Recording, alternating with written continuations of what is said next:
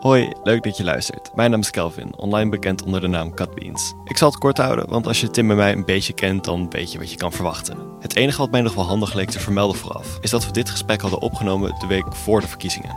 Alright, dit is mijn tweede gesprek met Tim Hofman. Hij, hij staat al Oh, je aan, staat al eh, aan. maar ik vind het ook gewoon leuk om Oh, een beetje even doorspreken, even, luchtig eh, te lullen af en toe, toch? Ja, is goed. Ja, ja. Heb je nog een goed boek gelezen in de tussentijd? Heb ik nog een goed boek gelezen in de tussentijd? Nee, echt eh, bijzonder weinig. Behalve voor de research voor mijn boek. Wat, wat ergens eerste helft 24 komt, definitief. Oké. Ben nu in de Eindelijk een, eh, een, een tijdspad. Ja, ja, ja, Ik heb wel de nieuwe van Daan Heermer van Vos binnen. En ik heb hem beloofd dat ik die echt ga lezen. En eh, sorry, ik ken die schrijver niet. Voor ook de mensen die die schrijver niet kennen, wie is dat? Gewoon een goede schrijver. Oh, gewoon een goede Ja, schrijver. goede fictie, schrijver. fictie, non-fictie? Eh, nee, v- is een roman echt. Ja, Oh, le- lees ik bijna nooit meer, joh. Ik lees, ik lees alleen maar dingen over de wereld. En, en, en, en ik ben helemaal... Ik, vroeger las ik echt tering veel. 1, 2... F- Romans of fictie in het algemeen? eh, eh, alles eigenlijk. 1, 2, soms drie boeken in de week. Ja. Ben ik helemaal uit het oog verloren.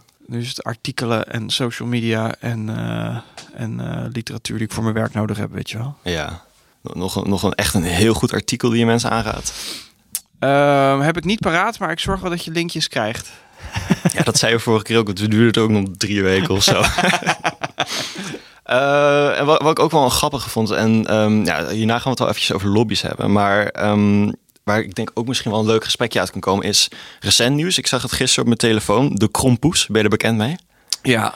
Ja, de, de, de bedenker van de Krompoes gaat alle naapers aanklagen. Naar de rechtbank, hè? Ja, hoe sta jij daarin?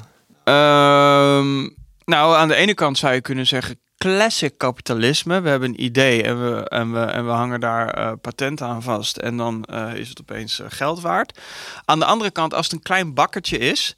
En daar voel ik echt wel wat voor. Als het een klein... Maar ik weet niet of dat zo is. Als het een klein bakkertje is die dat Volgens mij is bedacht het een heeft. klein bakkertje. Ja, en, en de grote, de grote kapitaalbedrijven zoals Ahold en... eh en eh, Hema. eh, nou, Hema juist niet, toch? Hadden het niet? Die hadden toch zo'n ad, ad met dat ze juist Oh, oké, Je moet dan niet heb ik dat verkeerd begrepen. recht Nee, maken wat krom is en gewoon een tompoes, zeg maar. Eh, maar, maar. Maar dus ja, dan zou ik zeggen, eh, eh, David, pak Goliath in de, in de rechtbank, weet je wel? Make Ja. pay. ja, maar ergens denk ik ook een beetje op dat eerste punt van jou van krompoes for everyone, weet je wel. Ik, ik- ik ben ook een beetje op dat, op dat punt wel een beetje tegen zulk intellectueel eigendom, weet je wel. Ik Ja. vind dat iedereen krompoesen zou moeten hebben Ja. en dat zulke patenten, ja, dan, dan krijg je straks een monopolie van één bakker. eh, op krompoezen. Terwijl ik denk Zeker. van dat zou voor iedereen wel toegankelijk moeten zijn. Daarom vond ik het wel een interessant eh, openertje. Ja, maar aan de andere kant, als je als kleine bakker Ahold heel even op de feiten kan wijzen in de rechtbank, is dat ook wel lekker. Misschien lekkerder dan die krompoes. eh, ja, ja. ja. Dus ik heb geen hard oordeel. Ik heb een aantal gevoelens over een aantal scenario's. Ja. hey, je wou het hebben over lobby's. Ehm, ik wou daarbij gewoon het woord aan jou laten. Brand los. Wat, wat zou je willen bespreken? Wat, zit je een beetje in dat vraagstuk de laatste tijd? Of? Ja, ook dat. Met Boos en met Pak de Macht hadden we het daarover. Oh, jij, jij vroeg waar, waar ze het over hebben. En toen, en toen, eh, toen dacht ik, ja, lobbyapparaten, daar, daar ben ik wel veel mee bezig. Ehm, omdat het vaak de achterkant is van wat we zien. Ehm, ehm, lobbyapparaten die voor wetgeving zorgen. En die zorgen dat aan de voorkant de wereld is zoals wij hem meemaken. Of dat nou gaat over reclameuitingen en, en marketingpsychologie of wetten en regels. En ik maak me daar best wel, best wel druk om eigenlijk. Als je kijkt naar bijvoorbeeld de tabakslobby of de suikerlobby, eh, de goklobby. Zijn dat echt dingen die ehm, ons en ook onze generatie heel erg in de weg zitten als het gaat over gezondheid, doorontwikkeling, eh, problematiek kunnen voorkomen. Ik dacht, ja, ik vind het wel, ik vind het wel een, een fijn gespreksonderwerp eigenlijk. Ja. Ja. Maar er, is niet een bepaalde insteek. Want ik had Jawel, namelijk jawel, jawel. een paar, Nee, een nee, paar nee, lobby's voorbereid of zo. Maar ik, ik, ik- ik weet niet. Kijk, ik, ik zit heel erg. Als je mij vraagt, eh, geef eens een blik op de wereld. Dan heb ik het vaak over. Het zal je niet ontgaan zijn. eh, mijn redactie lacht me daar ook altijd om uit. Ik kom altijd met macht. Wie heeft welke verantwoordelijkheid? Wie moet wat nou voor elkaar zien te krijgen? We hebben het hier vorige keer over gehad. Mhm. Over klimaat, hè? Onder Dus, andere, ja. eh, on- onder andere. Dus, dus dat ik ook wel begrijp dat je als particulier eh, niet altijd kan of wil opdraaien voor de shitshow die Shell ervan gemaakt heeft. En met dat oog moeten we ook een beetje naar elkaar kijken. Dus we hebben bijvoorbeeld vaak een hele harde mening over mensen met veel overgewicht. En we hebben ook vaak eh, bijna een soort, soort eigen schuld dikke bult als mensen die roken ziek worden. Ja. We hebben ook volgens mij bij mensen bij overgewicht. eh, dat, dat is ook soms een beetje een ethische discussie tussen haakjes. Ja. Van, oh, die zouden hun eigen zorgverzekering moeten bepa- Ja. betalen en dat Ja. soort dingen. Volgens mij is dat. Eh, als het gaat over specifiek eh, overgewicht, is dat heel genuanceerd. Hè? Ehm, ehm, dat heeft te maken met, eh, vaak is dat ehm, eh, inherent aan de sociaal-economische klasse waarbinnen je bevindt. Ook. Aan Ja. de andere kant is het ook wel eh, een welvaartsverschijnsel. Er zit ook een heel groot percentage, verschilt een beetje natuurlijk per persoon, maar aan genen zitten er ook. Aan genen, genen fysiek, maar ook mentaal. Het is natuurlijk ook vaak Tuurlijk, ja. gekoppeld aan, aan, aan mentale toestand. En soms willen mensen gewoon doen waar ze zin in hebben. En dan hebben ze overgewicht. Ja, de- de- wie, wie zijn wij om daar wat van te zeggen eh, in die zin? Maar een stukje daarbij is natuurlijk, ehm, en dat vind ik nog veel meer voor roken, is dat er, dat er grote bedrijven zijn die ook aanzetten tot het consumeren van dingen die expliciet slecht voor je zijn. Als je, als je in de supermarkt kijkt naar wat er aan suikers staat. Eh, en en wat, wat, jou, eh, wat jou voorgeschoteld wordt als voedsel. En zeker betaalbaar voedsel. Is dat helemaal niet altijd goed voor je. Ehm, als je kijkt naar ehm, roken, de tabakslobby. Dat is een heel boeiend verhaal. Een keer gemaakt met, met, met Pak de Macht. Een roker is eigenlijk als je, als je het vraagt in de, in de, in, in, in, de zorg, dan ehm eh, verslavingszorg bijvoorbeeld. Verslaafde mensen zijn eigenlijk patiënten. Dan hebben we het over drugsverslaving, gokverslaving, eh, misschien zelfs gameverslaving. En, en, zo worden ze ook behandeld. Dat is ook goed. Daar is compassie voor nodig. In plaats van, hè, vroeger had je wat harder narratief. Deze, deze, deze eh, vieze junk, eigen schuld. eh, had het beter gedaan in je leven. Zo werkt het niet. Ehm, wat ik boeiend vind aan tabak, en dat zie je nu ook met al dat vapen en zo, is dat daar een heel stevige lobby achter zit. Die er eigenlijk voor zorgt dat de industrie kan doen wat ze doen. En mensen zo vroeg mogelijk verslaafd kan maken. Vroeger was dat met sigaretten.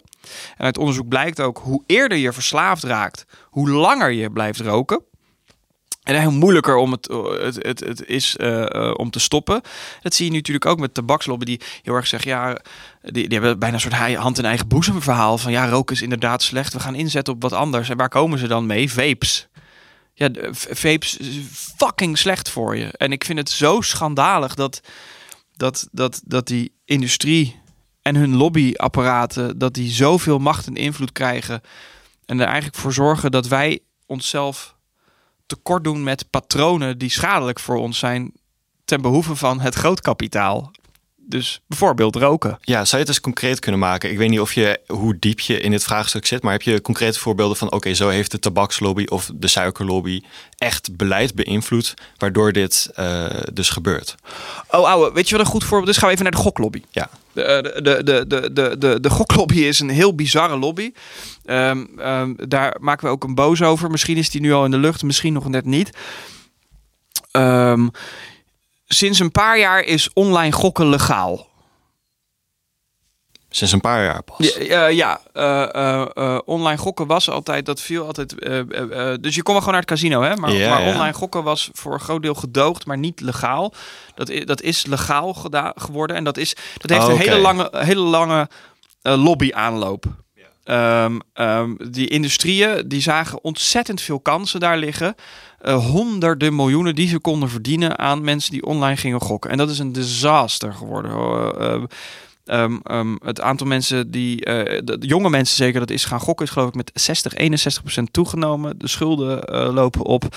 Meer verslaafden die zich melden bij meldpunten. Het is, het is, het is echt een disaster. Ehm, als je wil weten hoe een lobbyapparaat werkt, daar, daar is nogmaals hebben we een hele uitzending over. Maar die zaten zo op schoot. Nee, politici zaten zo op schoot bij hen. Op een gegeven moment had je een CDA-kamerlid en dat diende 700 vragen in aan de staatssecretaris. En die waren geschreven gewoon door lobbyisten. Dat is wat zij doen. Schiphol, hetzelfde verhaal. De Schiphol-lobby uh, schreef volgens mij zelfs op een gegeven moment uh, mee aan de antwoorden van staatssecretarissen. En dit is hoe ver lobby van. En dan hebben we het niet over lobby voor, voor, voor, voor mooie dingen, maar over, over maatschappijslopende zaken, hoe diep die lobby zit. Ja. Uh, hier en in Brussel. Ja. Om eventjes terug te komen op de suikerlobby waar je het zojuist hebt. Uh, want ik bedacht me, ja, critici die zullen gelijk wijzen op de vrijheid van keuze. Ja. Het is een eigen verantwoordelijkheid. Hoe sta je daarin? Ja, daar kan want bij roken is er natuurlijk, kan je heel sterk het argument maken van dat is gewoon bewust verslavend gemaakt. Suiker ligt misschien iets genuanceerder. Zou is ik dat zo? je kunnen zeggen. Is dat zo? is suiker niet feitelijk minder verslavend. Dus ja, suiker het wordt wel is, aantrekkelijk ja, ja, ja, gemaakt, ja. Suiker maar, is feitelijk minder verslavend, volgens mij. Als je de literatuur erop naslaat. Als blijkt van niet, komt er nu een dingetje in beeld en heb jij het gecorrigeerd. Maar Aha. laten we aannemen van wel. Maar dat is één deel van het verhaal. Als je kijkt, en, en, en, en dan gaan we het weer over macht en verantwoordelijkheid hebben. En ook een beetje over vrije wil. Wij denken in deze maatschappij dat we heel veel te kiezen hebben. En als je dat idee hebt, is dat een lekker gevoel. Want vrijheid is, is, is, is, is geen absoluut begrip. Dat is een ervaring, toch? Eh, en wij hebben daar wel, denk ik, paal en perk gesteld. En bepaald, bepaalde consensus over. Dit is vrijheid. En zo voelt het ongeveer voor heel veel mensen. Toch? En, en we zijn het niet allemaal over eens. Maar er is een soort, soort middenkern. En daar zijn we het wel over eens. Toch, denk ik? In de gevangenis zitten vinden we allemaal niet fijn. En er zijn, er zijn ook boeddhisten die denken... nou ja, vrijheid zit hier en ik stop mij in een hok eh, van drie bij drie de rest van mijn leven. Ja, precies. Nou, ik denk gelijk weer aan. Ja, het is ook een beetje zo'n semantische discussie, maar ik denk gelijk aan de Partij voor de Vrijheid. Nou, hun vrijheid is echt Precies. niet een absolute vrijheid. Nee. Dus daar zat ik een beetje Ja, van. hmm, Maar er is wel een consensus, toch? Over vrijheid. hmm, sure. Maar dat zit hem in ervaring. En ik denk dat het een mainstream idee moet gaan worden dat wij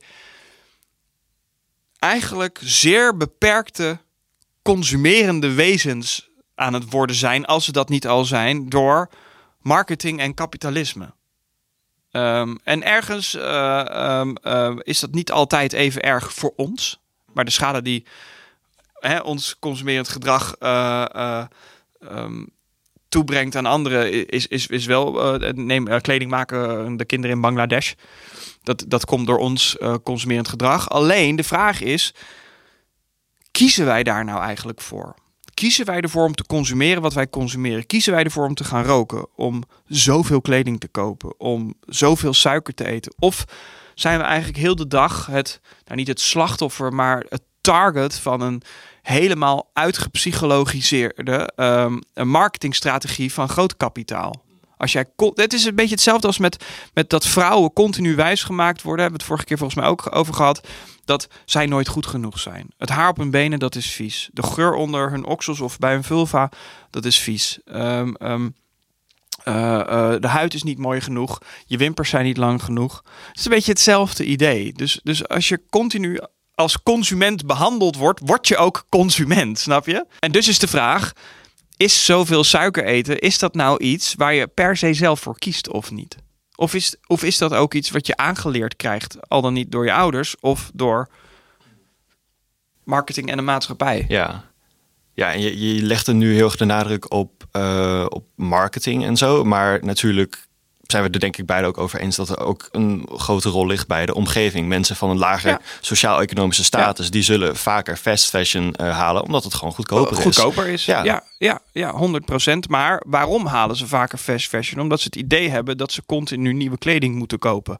Dat zijn normen en waarden en gebruiken eigenlijk ook een beetje. Die ook grotendeels bepaald worden door een beeld van mensen die beeld afvuren op de maatschappij. Influencers, grote bedrijven. Die twee zijn vaak nauw verwant natuurlijk. Dus we moeten even helemaal terug naar de basis redeneren daarin, denk ik. Wie maakt ons nou wijs wat wij nodig hebben? Wat wij willen? Kunnen we het bedrijven wel zelf kwalijk nemen? Of moeten we eh, meer kijken naar ja, de onderliggende mechanismen? Want ik had, had ook hiervoor een quote van, eh, van Bernie erbij gepakt. Die, die volgens mij zei van... Wees niet boos op Elon Musk, maar wees boos op het systeem dat Elon Musk heeft gemaakt. Weet je, uiteindelijk zijn deze bedrijven ook maar opportunisten die de kansen pakken die er zijn. ja, dat is ook zo. Ja, dan kom je weer een beetje bij. ehm, dat, eh, ik, ik vond dat een moeilijke quote van Bernie eigenlijk. Ja? Ehm, dus even voor de goede orde, wij waren pas bij Bernie Sanders. Mhm. Ik zat daar aan tafel met hem. Jij zit in het publiek. ja. Verzwaaid. En hij zei inderdaad, je moet niet boos zijn op Bernie Sanders. Wat zei hij precies? Hij zei, wees niet boos op Elon Musk, maar wees boos op het systeem dat Elon Musk heeft gemaakt. Ja, maar Elon Musk is inmiddels ook zelf iemand die bijdraagt aan de ontwikkeling en, en het kneden van dat systeem. Specifiek Elon Musk. Elon Musk is de rijkste man ter wereld die Twitter in bezit heeft. Of we moeten helemaal terug naar de vrije wil. Kan hij er iets aan doen? Dan zeg ik ja, nee. precies, daar wou ik op dan inhaken. Ik nee. van, want hij zou je ook kunnen be, ja. be, maar dat is een, dat, is een schuldvraag. Een product van zijn omgeving Hij is een product en dat is een schuldvraag. Heeft hij daar schuld aan? Dat niet per se. Moeten we hem alsnog wel verantwoordelijk houden? Dat is misschien wel goed om te doen. Want hij is niet ontoerekeningsvatbaar. He, want anders moeten we ook zeggen: ja, god, moet je, moet je mensen die een moord hebben gepleegd, moet je die wel een gevangenisstraf geven? Dat is een leuk. leuk ja, nee, ja, als je het ver doortrekt, kom je daar inderdaad. Is een leuk debat. Ja. zeer zeker. Um, maar ik denk dat het dus goed is dat, dat je schuld en verantwoordelijkheid in oplossende zin, dat je die scheidt. Ja. En dat we dus misschien kunnen zeggen, inderdaad, Elon Musk, en dat is wat Bernie Sanders bedoelt, is ook maar product van zijn tijd en zijn omgeving. Maar dat betekent niet dat we hem niet verantwoordelijk moeten houden voor wat hij nu doet en waar hij aan bijdraagt. En, en een systeem dat hij in stand houdt. Hij is een van de machtigste mensen ter wereld. En dat gaat dus, nogmaals, hij, hij is in bezit van Twitter. Hij uh, wat hij. Uh, SpaceX. Uh, SpaceX. Nog die Tesla. Neuralink. Maar, ja, Neuralink. Maar denk ook aan hoe hij de oorlog tussen Oekraïne en Rusland beïnvloed zou hebben. met die satellieten. Hij is een heel machtig man. En macht moet je controleren en verantwoordelijk houden. Dat hij niet een overheidsfunctionaris is, betekent niet dat we hem niet heel erg nauwlettend in de gaten moeten houden. Ja. En dat is veranderd. Hè? Dus, dus, dus, dus veranderd? Nou, veranderd. Dat, het is mensen buiten het politiek instituut zijn door kapitalisme zoveel machtiger geworden afgelopen decennia. We focussen ons vaak op de wetgever. Maar die wetgever wordt natuurlijk ook weer beïnvloed. Um, uh, en, en, en zeker in landen waar de wet niet zo streng is voor, voor grote bedrijven en voor, voor mensen als Elon Musk, zijn dat Ja. juist de mensen die je in de gaten moet houden. Dus- ja, ja, ja, ik snap je. En dat zijn ook mensen die zich nooit verantwoorden, want daar schieten ze niks mee op. Kijk, eh, de Macht maakten wij omdat wij vonden dat politici, zeker verkiezingstijd, die komen nog wel eens opdraven bij een talkshow. En in Nederland hebben we best wel open, open parlement, dus je kan prima die mensen op straat nog opwachten of na een ministerraad een minister, dan kan je een vraag stellen. Dat is best goed te doen in Nederland. CEO van Shell, onfucking bereikbaar. En waarom zou die? Als hij een verkeerde quote geeft, daalt, het, daalt het een aandeel. Heeft hij helemaal Ja, niks aan. die zit achter gesloten hekken. Achter gesloten hekken. F- Shell fucking machtig. Elon Musk fucking machtig. Dus nee, ik vind het eigenlijk een amateurquote van Bernie Sanders. Ja, ja, nee. Zeker dat ze zijn verantwoordelijkheid eh, verantwoordelijk moeten houden. Maar ehm, waar ik wel aan sta te denken is dat wel het risico dan bestaat dat als je alleen boos bent. Dus het moet wel echt een en-en vraagstuk zijn. Want als je alleen boos bent zonder systeemkritiek, dat je het probleem individualiseert. En eh, dat je, wat er dan volgt, is dat je pleisters gaat plakken. Nee, zeker. Ja. Maar Elon Musk, nogmaals, is, is inmiddels een van de architecten van ons systeem. Mm. Wat hij met Twitter doet, heeft invloed op democratie. Dus, dus hij is groter dan een particulier. Eh, eh, hij en alles waar, waar hij voor staat en, en wat hij bezit, is zo groot dat ik wel degelijk denk, en ik vind dat je het voor minder al kan doen, dat, hè, dat, dat, dat, dat je hem verantwoordelijk moet houden en dus daarop aan moet spreken en heel hard voor moet zijn. Ja, beetje flauwe vraag hoor. Want eh, je had het daar hier een keer eerder over uitgesproken. Maar wa- wat zou hier een beetje richting de oplossing zijn? Van wat? Ja, de macht. Ja, misschien is het te simpel om het over de machten te hebben. Maar we kunnen het ook eventjes misschien eerst even betrekken op lobbyen. Ja. Maar dat komt ook weer voort uit macht. Ik ben dan heel geneigd om te zeggen, laten we die macht proberen op te breken. Ja, je moet het democratiseren. Ja, Je moet macht, eh, macht democratiseren, net zoals dat je kapitaal moet democratiseren. Ehm, ehm, en dus- dan dus, eh, om even te kijken of we een beetje op hetzelfde level zitten, dan heb je het dan over bedrijven bijvoorbeeld. Bedrijven, ja, ja, ja, ja. De- bedrijven moet je democratiseren. Eh, ehm, eh, eh, net zoals dat je, dat je ons land eh, eh, is een democratisch instituut. Als je, als je kapitaal niet democratiseert, dan krijg je dus dat wij allemaal heel netjes eh, gaan naar de stembus gaan. Maar dat daarnaast een parallele werkelijkheid is. En eh, dat bedoel ik niet complot eh, theo- theoretisch, hè, maar gewoon waar, waar bedrijven zoveel macht krijgen dat ze democratie beïnvloeden. Ehm, God, wie zei dat nou ook weer? Ik las pas een, een, een essay, een, een Harvard-essay. En het ging erover waarom, waarom kapitalisme zo moeilijk op te breken is. Is dat het een globaal systeem is. En, en vaak ook democratie overschaduwt. Amerika is daar een goed voorbeeld van. Je koopt daar gewoon invloed. Als je veel geld hebt, dan, dan sponsor je. Zou je hier ook nog wel kunnen zeggen? Zou je wat van kunnen zeggen? Ja, nee, zeer zeker. Dat zag Ja. je pas bij de VVD natuurlijk. Met die, eh, drie, volgens mij drie, drie bestuursleden van een bedrijf die, die samen twee ton gaven, terwijl de max een ton was, zeg maar. Je ziet gewoon bij de VVD in ieder geval, die hebben de meeste donateurs. Omdat de, de, de, de, de vastgoedjongens geven, die denken, ja, eh, zo kan die partij meer... eh, het is een heel gek systeem. Zo kan die partij eh, meer campagne voeren voor, beleid dat alleen voor mij goed is. Ik, ja, dat is, dit is het probleem in de notendop. Dus ehm, het, het gaat over democratiseren. En we, we kunnen dan hier een gesprek hebben over... moet je nou af van kapitalisme? Waar ga je daar naartoe? Ga je naar communisme? Of, of ga je naar een socialistische helstaat? Of kom je uit op een heel streng gereguleerde sociaaldemocratie? In ieder geval zoals het nu is, is het te veel eh, waterig en, en, en ehm, te neoliberaal. Ja, ja, ja. Mislukte third way, daar zitten we naar te kijken. Ja, precies. En ehm, dat, dat democratiseren van de werkvloer, eh, dat, dat vind ik zelf heel interessant. Daar had ik toevallig dus gisteren ook met Dassen over. Die vond eigenlijk ook wel een tof idee. Want ik stelde dus voor, van zou het niet interessant zijn als we veel meer gaan inzetten op bijvoorbeeld werkerscoöperaties. Ken je dat concept? Ja, ja. Ja, dat elke werknemer dus een eh, gewoon evenveel aandeel heeft. Ja. En dat ze gezamenlijk beslissen over de bedrijfskoers Precies. van het, eh, de koers van het bedrijf. Dit is eh, het schoolvoorbeeld van het democratiseren van, van, van zullen we het kapitaal noemen of van, van bedrijven noemen? Of Van een bedrijf, organisatie. in ieder geval kapitalisme democratischer maken, zeg maar. Ja. Ehm, dus ja, ik denk dat dat een goed idee is. Ja. Ja, ja dan, dan krijg je. Inherent daaraan is dus dat, dat je minder Elon Musk's krijgt. Eén, omdat, omdat er welvaart beter. Eh, de, de, de, de, de, de, de geldstroom beter verdeeld is. En twee, omdat de invloed van een bedrijf beter verdeeld is. Als je.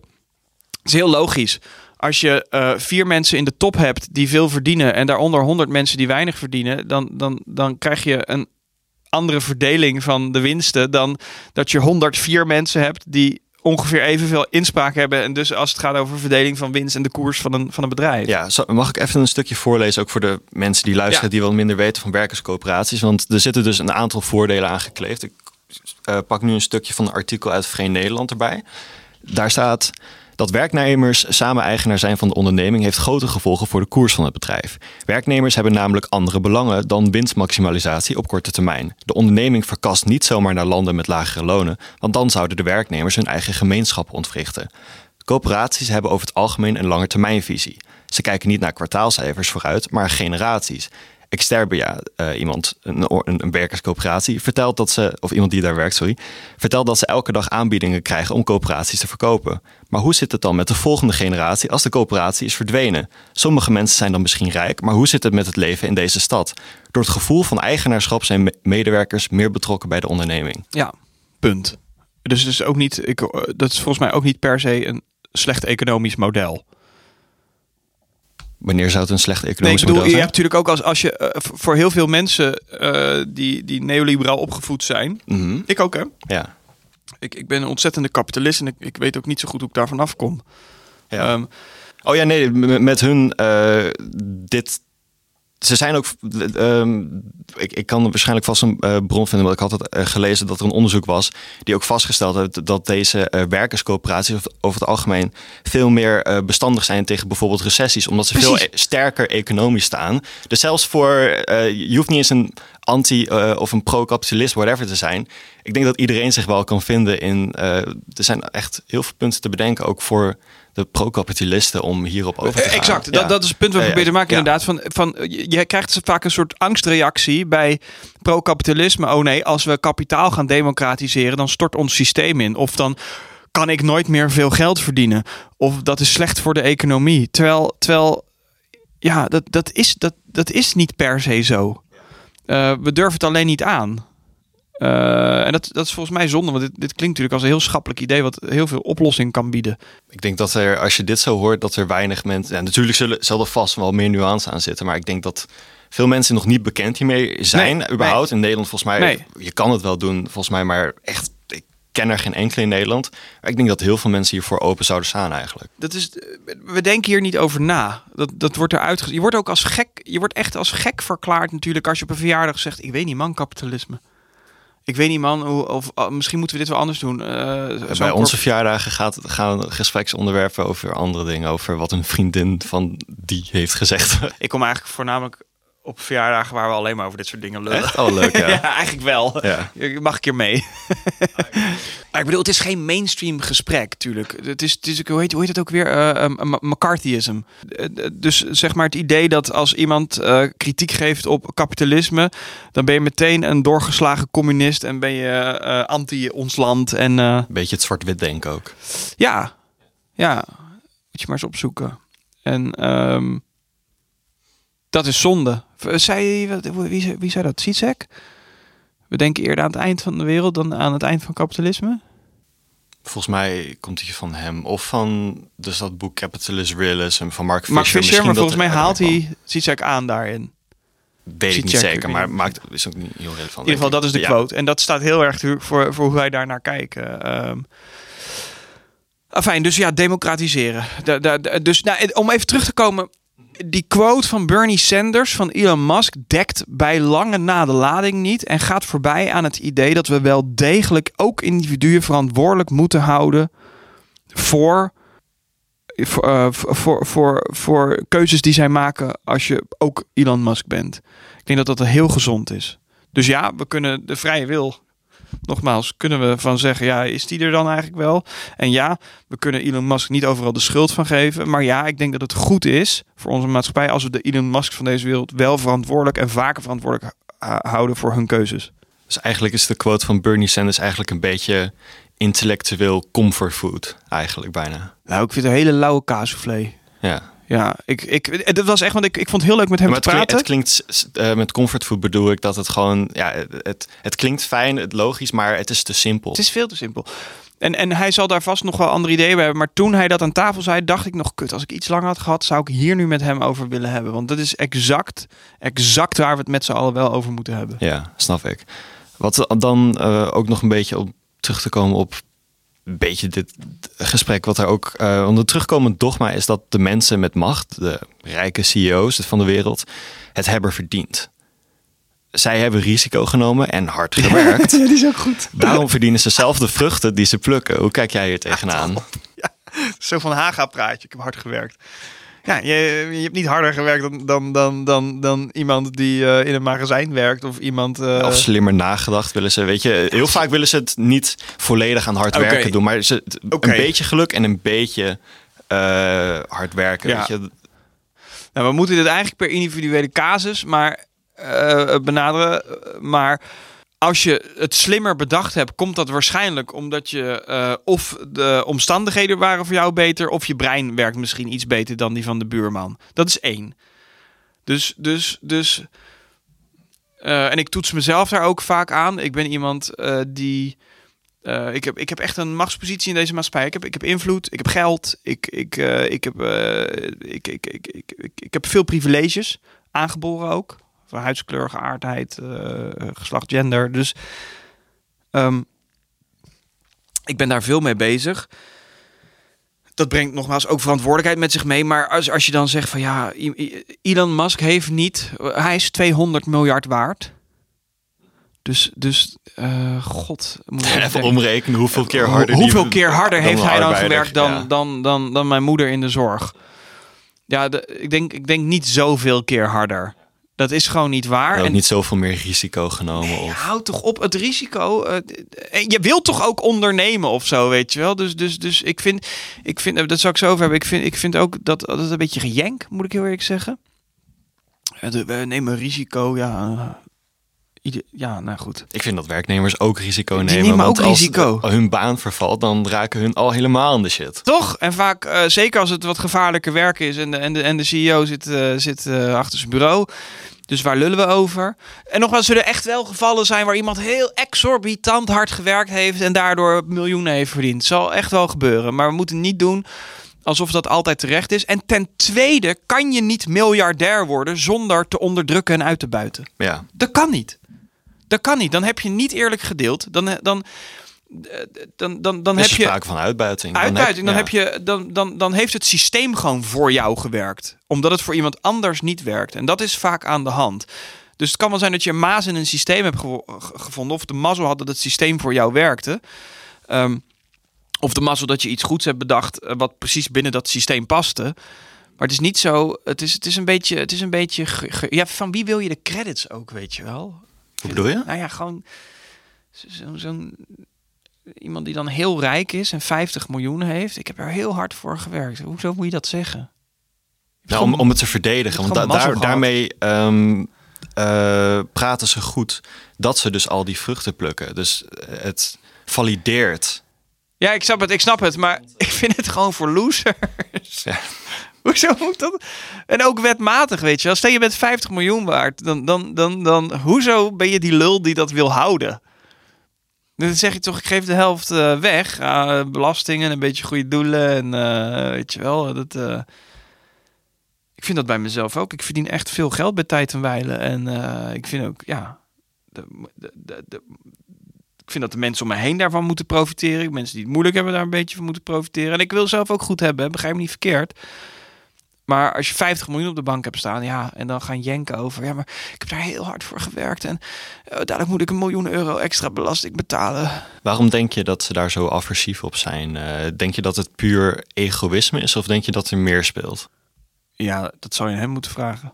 Ja, ik, ik, ik ken die mensen. eh, nou, Bernie had het er bijvoorbeeld over. Die ehm, benoemde het dus als dat ze verslaafd zijn geworden aan geld. Ja, verslaafd aan geld. Eh, misschien ben je niet anders gewend als je de je hele leven hoort.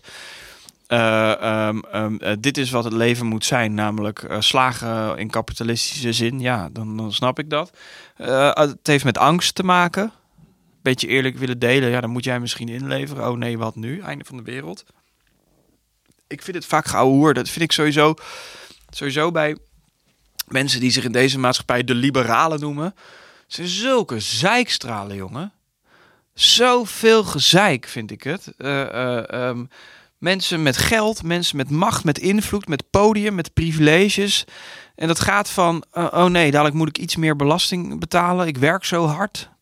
Je hebt veel geld, zeur niet zo. Het is cabaretiers die zeggen, ik mag niks meer zeggen in dat land. En met dat riedeltje zalen uitverkopen. Nee, nee, je denkt dat je recht hebt op applaus. Dat heb je niet, kleine bitch, weet je wel. Dus, dus ergens is er een soort afslag gemaakt waar, waar, waar, waar, waar de liberalen zijn, zeg maar, de oorsprong van liberalisme, hè, vrijheid en, en, en, en een gelijk startpunt. Eh, gewoon het Adam Smith verhaal. Eh, of dat, en en, en de, de, de vertaalt het ook even door naar een soort moreel liberalisme, zeg maar. En, en, en dus, dus in die zin, dat liberalisme gaat natuurlijk vooral over eh, de vrije markt. Mhm. Maar, maar die, die mensen hebben het ook vaak over vrije ideeën, toch? Mm, ja. Ehm, ehm, ehm, ja, dat is ergens omgeslagen in een kantelpunt waar, waar vrijheid verward wordt met denken dat je overal recht op hebt. V- eh, op je gouden troon, zeg maar. Weet Ja. je wel? Maar in, in dit verhaal, hoe kijk je dan tegen mensen aan die zichzelf dus liberaal noemen, maar niet zo rijk zijn? Die zijn er. Veel, denk ik. Ja, bedoel je dan mensen die recht stemmen en niet zo rijk zijn? Ja, of liberaal. Ja, stemmen, dat verbindt het gelijk aan een actie, maar je, Ja. je, je koppelt het net aan zelfidentificatie. Er zijn genoeg mensen die zich zo noemen, liberaal, is- en maar die niet zo rijk Nee, zijn. Waarom het- denk je dat hun dat... Het is ook eh, een idee, hè? Dus, dus ehm, ik denk als je het uit zou vergroten, dan het liberalisme, en dan hebben we het over kapitali- kapitalisme dus. Dat, dat geeft het idee van een gelijk startpunt met een oneindig plafond. Dus je kan overal naartoe. En als je dat invert naar communisme, verstaan heel veel mensen gelijk startpunt en gelijk plafond. Dus je, je kan nergens, je kan niet hoger komen dan je buurman. En dat betekent dat jij, als je een beetje pech hebt, beperkt wordt in je zijn, zeg maar. Dus ik denk dat voor heel veel mensen het idee van liberalisme ook heel vrij voelt. En volgens mij zie je dat heel erg in Amerika, toch? Dat er mensen die, die, die echt eh, onderaan de sociaal-economische klasse zijn, ook eh, republikein stemmen. Niet alleen eh, ehm, eh, omdat ze racist zijn, bijvoorbeeld, eh, maar ook omdat ze het idee hebben dat Sociaal kunnen stijgen. ja, sociaal kunnen stijgen, land of opportunity, weet je wel. Meritocratie. Ja, ja, ja, precies, ja. Dus ik denk dat dat idee, dat idee van liberalisme en inderdaad meritocratie, dat dat, dat dat voor heel veel mensen ook genoeg kan zijn. Het werkt alleen vaak ook tegen hen. Dat vind ik zo fascinerend. Er gaan zoveel mensen ook dit jaar weer naar, naar de stembus, of zijn ze geweest. Zoveel mensen naar de stembus die dan tegen zichzelf stemmen. Dat begrijp ik nog minder dan, dan fucking asociaal stemmen. En denken, ik stem... Dat vind ik altijd zo fascinerend aan vastgoedondernemers. Die stemmen dan alleen voor zichzelf, zodat de vastgoedbranche het goed heeft, weet je wel. Eh, en dan denk ik, ja, ik, ik, ik ja, eh, eh, eh, weet je wat, als voor mij zou het het beste zijn als ik heel rechts stem. Eh, wit, hetero, cis, een beetje geld. Ja, als ik geen belasting hoef te betalen, komt voor mij hartstikke prima uit, weet je wel. Dus ja, ik ben huisbezitter. Ja, de, de, de, de, de- mijn buurvrouw heeft natuurlijk geen reet aan. Eh, dus dat, dat is dan één. Maar dat je dan naar de stembus gaat en in, van een, van een wat sociaal-economisch eh, de- nou, wat lagere klasse bent, zeg maar. Of, of misschien nu zelfs de middenklasse. En dan gaat stemmen. En tegen jezelf, ze- ik, dat begrijp ik niet. Ik begrijp het wel, want ik weet hoe het komt. Maar Ja, en daar wou ik dus op inhaken. Van begrijp je het echt Ja, ik niet? Begrijp het heb wel. nou, leg, Ja. licht eens toe. ik denk dat hetzelfde verhaal was net. Het, eh, het- het- het zijn de kwartjes die in mensen gestopt worden natuurlijk. Ja, Eh, ja, ik- zou ook best wel een case willen maken dat we inmiddels ehm, na fucking 30 jaar neoliberalisme, dat we de economie ook een beetje gedepolitiseerd hebben. Ja. Dus daar hebben we het ook. En nu gaat het over een beetje culturele issues. En daar scoort, nou even tussen haakjes, want ik vind het stomme labels, maar rechts beter op. eh, bij, nou, omdat het ook een beetje aanhaakt op dat zondebokpolitiek. Ja, en die zijn vocaler en die jatten de ideeën van links. En die hebben geen. Dit is veel minder moreel. Dus, dus die, die kunnen alles roepen wat ze willen. ja. Weet je wel, dus het is ook niet zo gek. Maar je hebt helemaal gelijk. Vroeger was het natuurlijk. eh, eh, de- eigenlijk in de tijd dat de PvdA nog grootste was. Maar inmiddels zijn we zo rijk dat er heel, voor heel veel mensen. Ja, ho- hoeven, hoeven we daar niet meer zo over de economie na te denken. Die middenklasse is zo groot.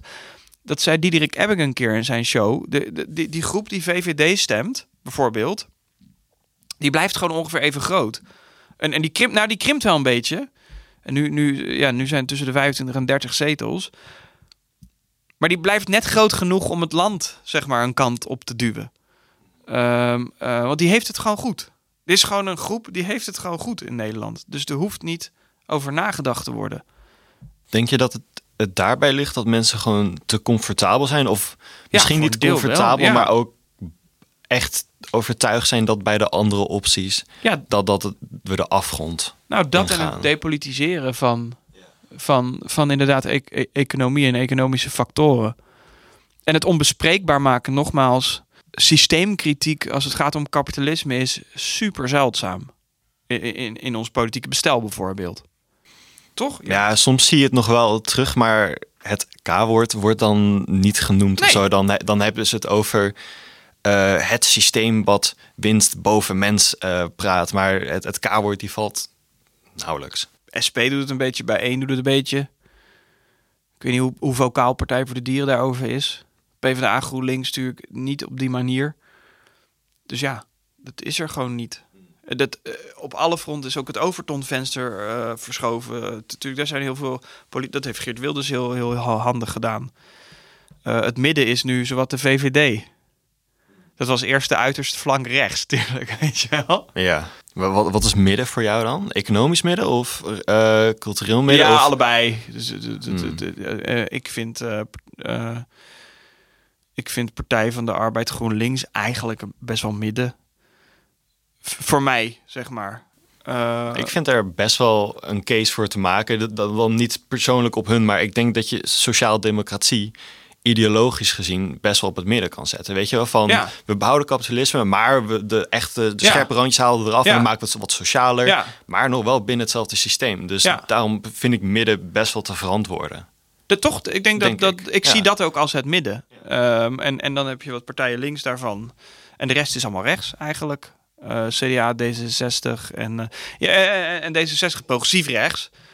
En je hebt conservatief rechts. En, en, en, en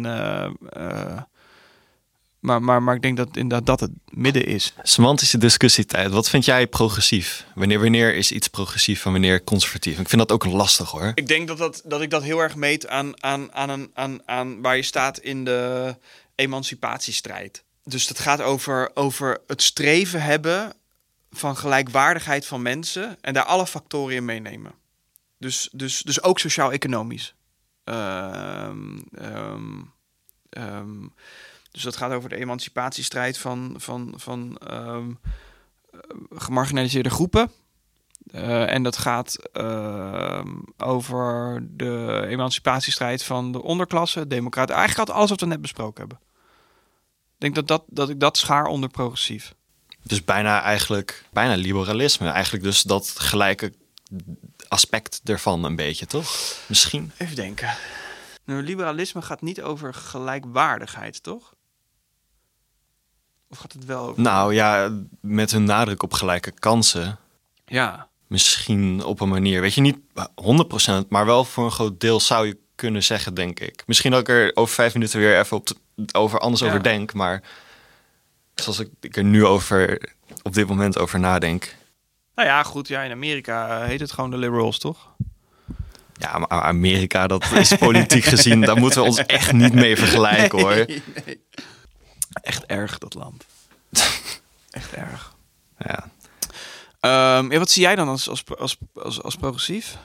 Waar meet je dat aan?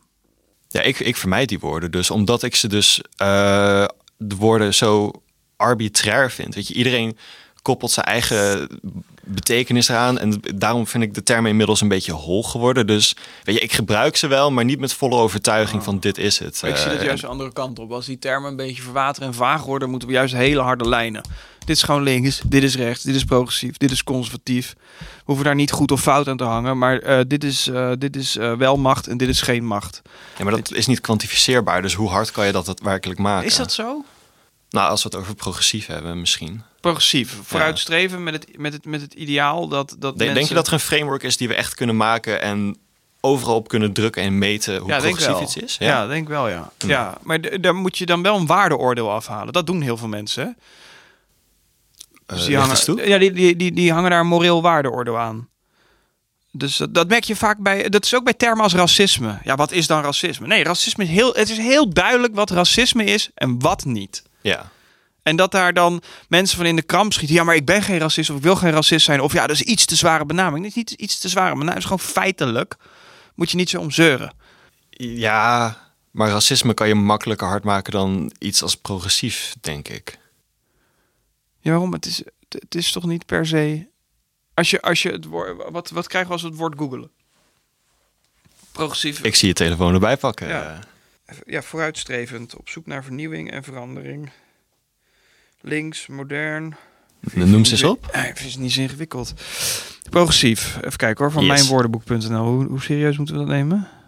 Nou, laten we het serieus nemen. Geavanceerd, links, niet conservatief, opklimmend, regelmatig toenemend. Ja, dat is allemaal vooruitstrevend, ja. Progressief. Maar denk je dat mensen die zich conservatief achten, of die wij conservatief achten, zichzelf niet als vooruitstrevend zien? Ehm, nee, het is toch vaak behoudend. Dat is toch vaak de... de, de... Officieel, maar Nou, misschien moeten we dit dus juist vaker doen. Dit is wat, de, wat rechts heel goed kan. Pakken een term, die maken we van ons en dan is dat opeens zo. En, en, en, en, en ik denk dat het heel goed is om, om, om, om terminologie heel strak te hanteren. Zodat we Mhm, weten in waar we woorden zit macht, daar ben ik ja, het helemaal toch? mee eens. Ja, we ja, waar we. De, de- lees dat boek van Monier Samuel. Eh volgens mij is dat Je mag niks meer zeggen in dit land. oké. Het gaat Komt alleen op de maar linkjeslijst. Over, over, ja, ja, over, over, ehm, over taalgebruik. Eh, je mag ook niets meer zeggen, heet het. Monier Samuel. Oké. Koop dat boek. Taal is, is, is, is, is een construct. En, en, en, en het gebruik van taal, eh, wat je zegt, taal is macht. De, de woorden doen ertoe. Ik denk dat we dat heel. Ik, ik ben juist heel erg voor het hanteren van woorden. Dit is links, dit is rechtsbeleid. Dit is progressief beleid, dit is conservatief beleid. Ja. Jij niet, ja, hè? ja, nee. Nee. Ik, ik, volg je. wel, kut idee. Dat Nee, ik, ik- volg je echt, maar stel, ik, ik kan voor mezelf, oké, gewoon om even bij links te betrekken. Ik kan voor mezelf misschien wel kaders bedenken, maar als ik mezelf alleen het, het woordje gebruik, dus niet de omschrijving, want je kan niet elke keer de omschrijving erbij gooien als je het in een zin plakt als het ware. Eh, iemand anders kan daar nog steeds hele andere beelden bij Nee, precies. hebben. Maar daarom is het zo goed dat, we- dat, dat, dat, dat, dat dat we Die kaders duidelijk maken die kaders iedereen. duidelijk maken. Zodat Ja. we weten waar we over lullen. Oké. Nou, misschien verander ik mijn mening er wel op kijk ter het plek ook een beetje op. Ja. ja, maar ook als mediamaker. Kijk, ik, ik, Ja. ik ben de hele dag bezig met, met uitingen. Wat zeg ik nou, wanneer, waarom? Eh, wat betekent dat dan? Eh, ehm, ehm, ik, denk dat we dat allemaal juist niet moeten laten verwateren. Hm. Nee. Ik vond het interessant over dat je net begon over het kapen van woorden. Want daar had ik ook een, eh, dacht ik gisteren nog aan. Ik dacht van dat is wel echt een interessant gesprekpunt. Eh, hoe kijk je naar de ontwikkeling van het woord woke? Ja, lang. eh, heb ik in mijn boek ook een heel lang stuk over. Het heeft me bijna mijn leven gekost, hè? Hm. Ja. Even zien, het klonk dramatisch, hè? Nou ja, maar zou het het onrecht aandoen als je het niet dramatisch zou maken? Want het is wel serieus wat gebeurd is. Jawel. Hoe je er Woke. zelf natuurlijk het prettigst bij voelt. Woke is het nieuwe, nieuwe eh, weet je wel, deugen, politiek correct. Wat had je vroeger? Je had nog meer van dat soort termen, toch? Social Justice Warrior Social ken ik Justice nog van het Warrior. Is elke twee, drie jaar is een nieuwe. En nu schaart. Ehm, Political correctness. weet, je, weet je waar woke vandaan komt? Ja, ja, van de... Stay woke. eh, uit mijn hoofd van de emancipatie van de zwarte vrouw in Amerika. Ja. ja. Volgens mij zei Led Belly in de jaren 30 of 40 ook een keer. Stay woke. En dat was gewoon hou, hou een oogje voor elkaar in het cel. Hè? Dus, eh, eh, dus, dus, dus de zwarte community, eh daar moet ik het goed vertellen. Hou een oogje voor elkaar in het cel, dat we weten wanneer, wanneer shit eh, vervelend wordt, zeg maar. Ehm, als ik dit nu verkeerd uitleg, pardon. Ehm, eigenlijk, eh, dus eigenlijk, het- is helemaal niet zo'n zo, eh, zo groot als eh, of zo eng als dat als eh, conservatieve mensen doen geloven. En nu wordt het gewoon gebruikt als verpakking voor alles wat, wat rechts- en conservatieve mensen stom vinden. En, en, en heel veel mensen gaan ermee in het narratief. Dit is leuk om Marieke Kuipers is eh, te volgen op Twitter. Sowieso, shout-out naar Marieke ja, Kuipers. man, ja, man. Ja, ja, ja. Eh, dat is echt goed. Jij, Marieke Kuipers, Shamadriaan, weet je wel. Dat is echt goede, goede Shout-out naar Shamadriaan. ja, ja jullie zijn goede, goede zuiveraars van desinformatie en, en, en, en terminologievervaging en wat wetenschappelijk is en niet. En echt, echt goed. Maar goed, los daarvan. Marieke Kuipers houdt het wel eens bij. Dat, dat gaat opeens, NRC gaat helemaal mee in het woke-narratief. Wat, wat, wat rechtse mensen bedacht hebben om, om, om te zeggen: ja, emancipatiestrijd stom. Daar staat het eigenlijk vaak voor. Maar gemarginaliseerde stem, eng. Dat is eigenlijk zijn dat een beetje, een beetje hoe woke gezien wordt. Ik zou dat zelf iets anders brengen, want het, ik, ik denk niet dat, dat ze het enkel stom vinden, maar ik denk ook dat eh, het hele anti-woke sentiment ook wordt aangewerkt wakker door mensen wiens machtspositie 100%. eh, door woke wordt ondermijnd. Ja, 100% Je zit te kijken naar, naar, naar, naar, naar de macht in het nauw. Die, die, die probeert te, te devalueren en, en, en, en ehm, de stem van bepaalde groepen mensen ehm, onwaardig te maken. Eh, op heel veel manieren. Ron DeSantis kan dat heel goed. eh, gouverneur van Florida. Ehm, dus ja, nee. eh, volgens mij, is, als, als we het even kaal pellen, hè, want dat is een beetje de moeite. Waar hebben we het nou over bij woke? Hebben we het dan over progressieve mensen die een emancipatiestrijd voeren? Dat is een beetje dat. Toch? Een progressief idee dat tegen de heersende macht voorbij de status quo gaat. Sure. Want bedacht ik net van een, follow-up vraag van ja, ehm, had ik het ook eens een keertje met iemand over van moeten we dan het woord achterwege laten? Eh, Weet je, het, het is gekaapt, het, het zitten nu hele rare arbitraire dingen aan vast, of moeten we het woord herpakken? Herpakken. Ja? In, in lijn met wat ik net zei. Herpakken. Herdefiniëren. Die definitie vasthouden. En daarvoor gaan. Ik ben woke als shit. Ik schaam me er niet voor. Ik heb, ik heb zelfs een woke... Ik, ik was een keer... Ik, wat was dat nou? ook Woke tattoo? Of Ja, ja, ja. hoor. Ik zat bij een tattooartiest en toen las ik iets. Iemand zei weer iets in een stuk. En het ging over woke. En het was weer helemaal eng. Boe, mi, mi, mi. Woke op de universiteit. Wat natuurlijk ook, het is gewoon, het is een farce. Het is helemaal niet waar. En toen dacht ik, fuck it. Dus zei ik, zet het woord woke daar even bij. Dus ik heb heel groot woke op mijn schouder staan. Echt ja? Maar echt, echt groot of gewoon, weet je wel... Nee, in nee, nee, groot, Oké.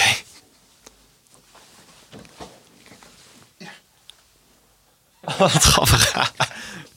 Nee joh, ik draag het met trots. Dus, eh, Er is niks om je voor te schamen. Mm. Het is ook helemaal niks engs. Het woord woke. Het is gewoon... eh, Eh, het hoeft ook helemaal niet iets zijigs te zijn, hè? Dus, eh, dus deugen of moraalridder of messias. Dus gewoon eh, denk eens voorbij de status quo. En, eh, en eh, als je buurman of buurvrouw eh, extra handjes nodig hebt, dan gaan we er toch voor met z'n allen. Je moet niet zo zeiken. Dat is een beetje mijn Rotterdamse vertaling Dat is de betekenis die jij eraan koppelt. Maar heel veel andere mensen die koppelen er andere negatieve Ja, betekenis maar aan. als we dus even teruggaan naar waar het woord woke, de oorsprong van het woord woke, lig ik volgens mij dichterbij dan, dan een telegraaf zeker, daar zijn wij het toch? over eens. Ja, oké, Ja. maar dat, dat moeten we vasthouden. Dus we moeten die termen niet Niet laten vasthouden, maar terugpakken dus. Ja, terugpakken. We moeten, ik, heb een, ik hou een lijstje bij, hè. En eh, eh, dat zijn termen die links terug moet gaan claimen van rechts. Die progressief terug moet gaan claimen van... van, Is dat van een lijstje voor je boek of ga je hem nu eh nee, het gewoon, dit lijstje is gewoon, gooien? dit is gewoon ik, dat doe ik gewoon. Ik vind het boeiend. Oké. Pak het lijstje de, termen die, die, die, die de, conserv- de conservatieve mensen ge- geclaimd hebben, ehm, eh, maar, maar ook misbruiken. Gezond verstand is er eentje. Dus is zo'n zo'n Thierry Baudet-term. Ehm, eh, eh, eh, Caroline van der Plas, haar boek, ook gezond verstand zit in de titel. Zeg maar, eigenlijk, eigenlijk ondermijnen ze daar iedereen mee die anders denkt, die is niet goed bij zijn hoofd. Dat zeggen ze daarmee. Eh, de elite. Opeens ging, ging, ging de elite ging zich verzetten tegen de elite. Toch? Thierry Hmm. Baudet. Thierry oké, Baudet. ja. ja. Terwijl dat eigenlijk is dat, is dat een soort arbeidersklasse blik op de maatschappij. Ja, je hebt inderdaad een elite. Die zijn rijk, machtig. Die wonen aan de grachtengordel, weet je wel. Eh, eh, opeens ging rechts zich verzetten tegen de elite. Terwijl, terwijl de, de, de, de, de ideeënstrijd wordt bepaald door rechts. Zij zijn de elite. Zij hebben de macht. De, de, de donateurs van de VVD zijn de elite. Zij zijn de mensen met geld. Zij zijn de mensen met invloed. Zij zijn de mensen die op de troon zitten, toch? De hardwerkende Nederlander door rechts gekaapt. Dat is eigenlijk een heel links idee. Ehm, eh, fatsoenlijk door rechts gekaapt. Terwijl, terwijl eh, tien jaar terug was het nog, eh, was je fatsoensridder, weet je dat nog? Tien jaar geleden. Tien- ik ben 22. Oh, je hè? bent 22, nee, Ja. weet je niet meer. Was, was juist, eh, was het een scheldwoord en nu is eh, eh, eh, vrijheid, Partij van de Vrijheid, je zei net, een, een Mhm. term geclaimd door mensen die expliciet vrijheden in willen per- perken. Polariseren, dat is er ook zo één. Dus ehm, eh, eh, het is heel rechtse politiek die zegt je moet niet polaris- polariseren. En dat, dat zeggen ze dan tegen mensen die zeggen ja maar wacht even, ik word gediscrimineerd. Nee nee nee, nu polariseer je. Eh, ter- terwijl, terwijl machthebbers polariseren. Geert Wilders polariseert. Ik zou ook wel kunnen beargumenteren dat polariseren eigenlijk ook een goed iets is Dan- absoluut dan iets goeds. Het is absoluut iets goeds. breek je dus een gesprek open. Ja, en, ja, ja, ja, ik ben ook voorstander van polarisatie. Maar het is wel goed om te duiden wie dat dan wanneer doet. ja. Ehm, en, het, en, en iemand die, die eh, zegt, nou, dit werkt niet voor mij, is niet per se aan het polariseren. Toch? Sorry, nog eens? Iemand die zegt, dit werkt niet voor mij, is niet per se aan het polariseren. Als je zegt, Mm. ik ben homoseksueel in elkaar geslagen en je kaart dat aan, ben je niet aan het polariseren. Dat is niet wat je doet. Toch? Dat. dat. Ehm, de slachtofferrol. Dus als mensen zeggen, ja wacht even, ik ben een vrouw, ik kan niet meer s'avonds over straat, want dan eh, de kans is groot dat ik aangerand word. Dan zeggen, eh, ja, je zit wel heel erg in de En, slachtofferrol. maar hoe zouden we deze moeten herpakken? Eh, nou, bijvoorbeeld, wat ik net zei, is dat mensen die heel veel macht hebben, continu aan het jenken zijn. Als, als er aan hun macht gezeten wordt. Ik, dat is slachtofferrol. Niet als je geen gelijk loon krijgt en dat aankaart, zit je niet in de slachtofferrol. Ja. Nee, dan kaart je gewoon iets aan wat niet eerlijk is. Eh, Weet je wel? En degene die dan, die dan, die dan, die dan heel gekwetst daardoor is, die zit in de slachtofferrol. Dus die, die, moet, die moet teruggekaapt worden. Eh andersdenkende, die vind, die vind ik helemaal goed. Als je kijkt nu naar, hè, naar, naar, naar, naar, ehm, de, de, de, rechts zegt vaak, ja, maar je moet ook luisteren naar de andersdenkende. Hè, kom je op ongehoord Nederland uit? Of, eh, oh ja, ja, ja ik dus zat te denken van welke groep zegt het, maar rechtse mensen hebben het vaak over andersdenken, hebben ze over zichzelf. Telegraaf heeft de meeste lezers van Nederland. Eh, eh, eh, volgens mij een derde van de zetels in Nederland is links. Die twee derde is rechts. Dus, dus rechtse mensen zijn niet de andersdenkende. Die zijn juist heel erg conform het construct aan het denken. Dus zijn allemaal termen die, die, die, die moet links en progressieve mensen moeten die terugkapen en, en herdefiniëren. Daarom is dat taal zo belangrijk. Om Dit een was mijn TED-talk. Ja, bedankt voor je TED Talk. Waar ik even aan moest denken, eh, want je benoemde net kort dat o- iets over, over de elite. Dat eh, het, het recht zou zijn die aan de elite zit. Ik heb mensen echt, en volgens mij zijn het er meer dan misschien eh, willen toegeven, die denken dat de VVD links is. En die denken echt dat er een linkse elite, weet je, de, de World Economic Forum, Ja. die willen communisme eh, in gaan voeren. Ja. Die zien dat als de elite. Ehm, en Ja. die, die zullen geheid hier denken van, ja, waar, waar lul jij nou over? Die elite, die, wil, eh, die, die is helemaal niet rechts, dat is links. eh, dat is zo, zo sick aan het verschuiven van het Overton-venster. Is dat, dat het zo ver naar rechts is geschoven. dat er echt voor daadwerkelijk voor een grote groep mensen is de VVD links.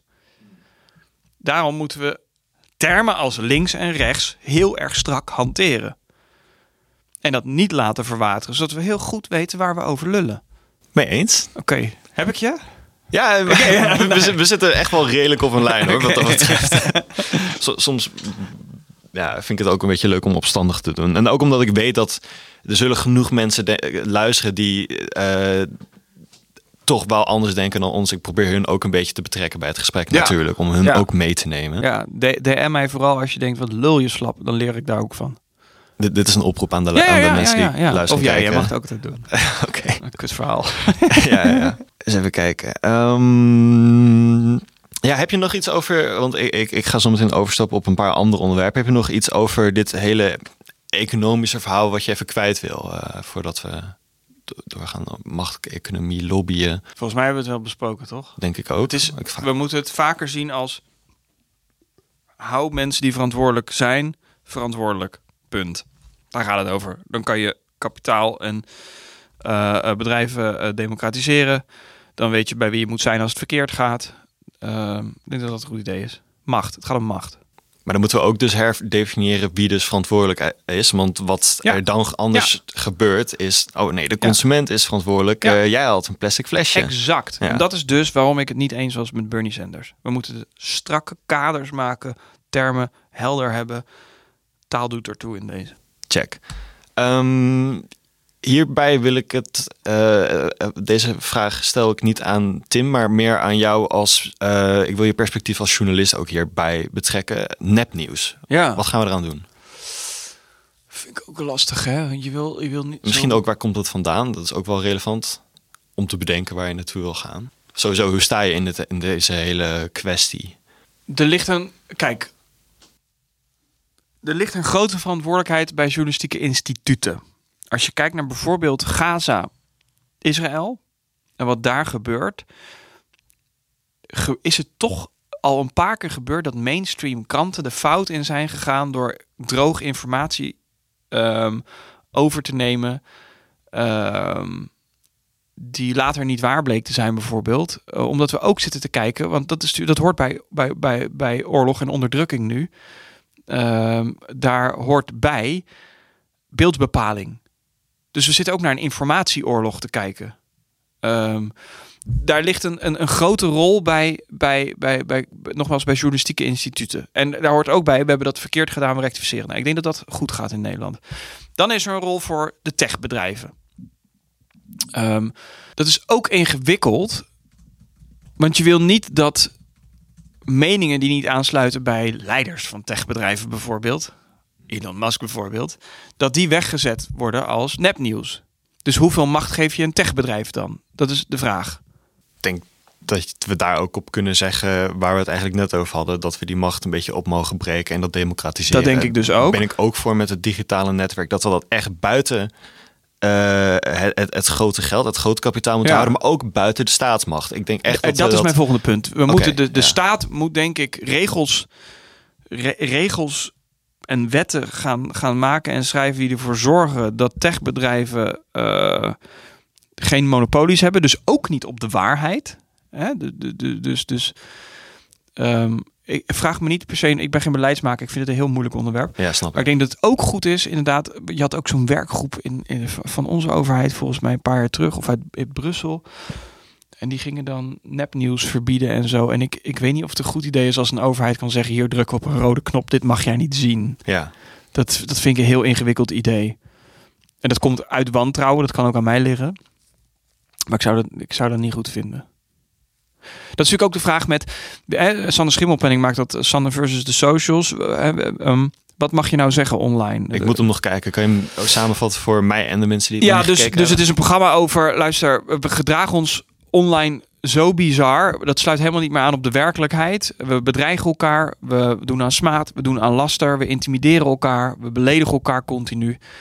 Dat, dat, dat moet anders. Want het ondermijnt democratie. Nou, hij heeft daar heel eh, pleidooi voor. Hij heeft een heel programma over gemaakt. Een van de oplossingen die sommige mensen aandragen, en dat heb ik zelf ook al gedaan, is misschien moeten we niet meer anoniem mogen internetten. Eh, even, even plat gezegd. Dus misschien als je op Twitter zit of Facebook of Instagram, moet je inloggen met je ID-kaart, zodat altijd te achterhalen is als iemand bedreigd wordt, dan weten we dat is eh Sjoerd uit eh, Lelystad. Ehm, Ben je daar nog steeds voor? nou, het punt is dus dat als er. Als er, en dat is een longshot, hè, maar als er dadelijk een, eh, in een gek geval een regering zit die denkt: Oh, wacht even, deze mening of dit journalistieke stuk, dat, dat, dat, dat willen wij niet hebben, dan, is heel, dan kan je niet meer anoniem dus macht bekritiseren.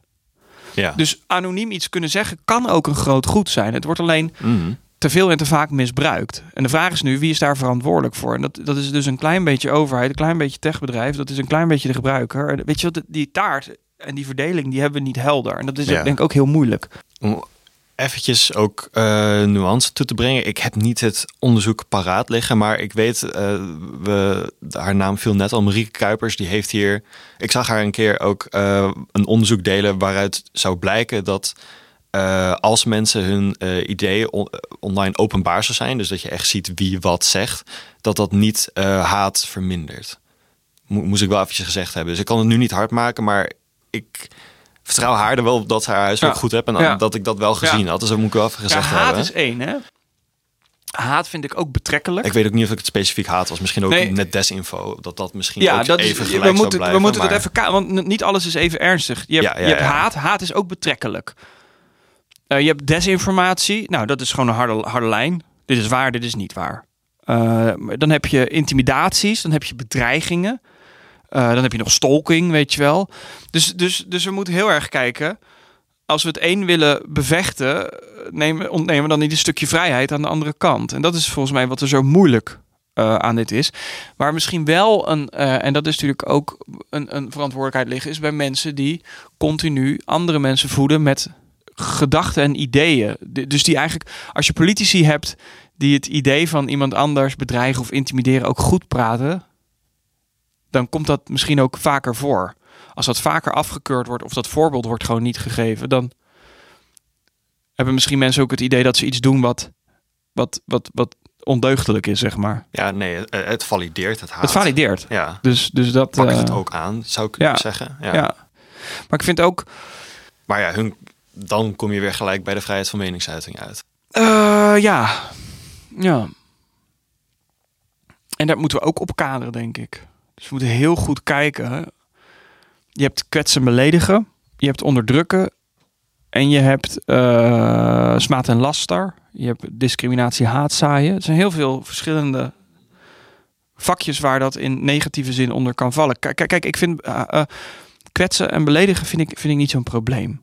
Ehm, dat is vervelend, hè? Dus ik probeer gewoon geen lul te zijn. Ik denk dat, dat, ik denk dat jij dat ook probeert. En ik denk dat heel veel mensen in Nederland, want social media is ik ook een stukje van de mensen, eh, proberen niet een vervelend iemand voor hun naasten te zijn. Maar het kan natuurlijk zo zijn dat als iemand een spotprint maakt over je profeet, of als iemand eh, scheldt met het woord kanker, of wel, dat, dat, dat, dat je gekwetst of beledigd bent. Dat Ja. is één. En dan heb je natuurlijk ook nog echt bijdrage aan onderdrukking. Seksistisch taalgebruik, racistisch taalgebruik. eh, continu eh, bespotten en belachelijk maken van transpersonen. Dat draagt bij aan onderdrukking. Eh, dan heb je gewoon smaad en laster. Dus dat is, dat is echt mensen opzettelijk ehm, eh, willen besmeuren eigenlijk. Om die twee even samen te voegen, die zijn, zijn ook weer verschillend. En haat zijn discriminatie en daar wordt het allemaal weer wettelijk en zo, weet je wel. Dus je moet ook goed kijken als je social media reguleert, wordt het niet een gevoelskwestie.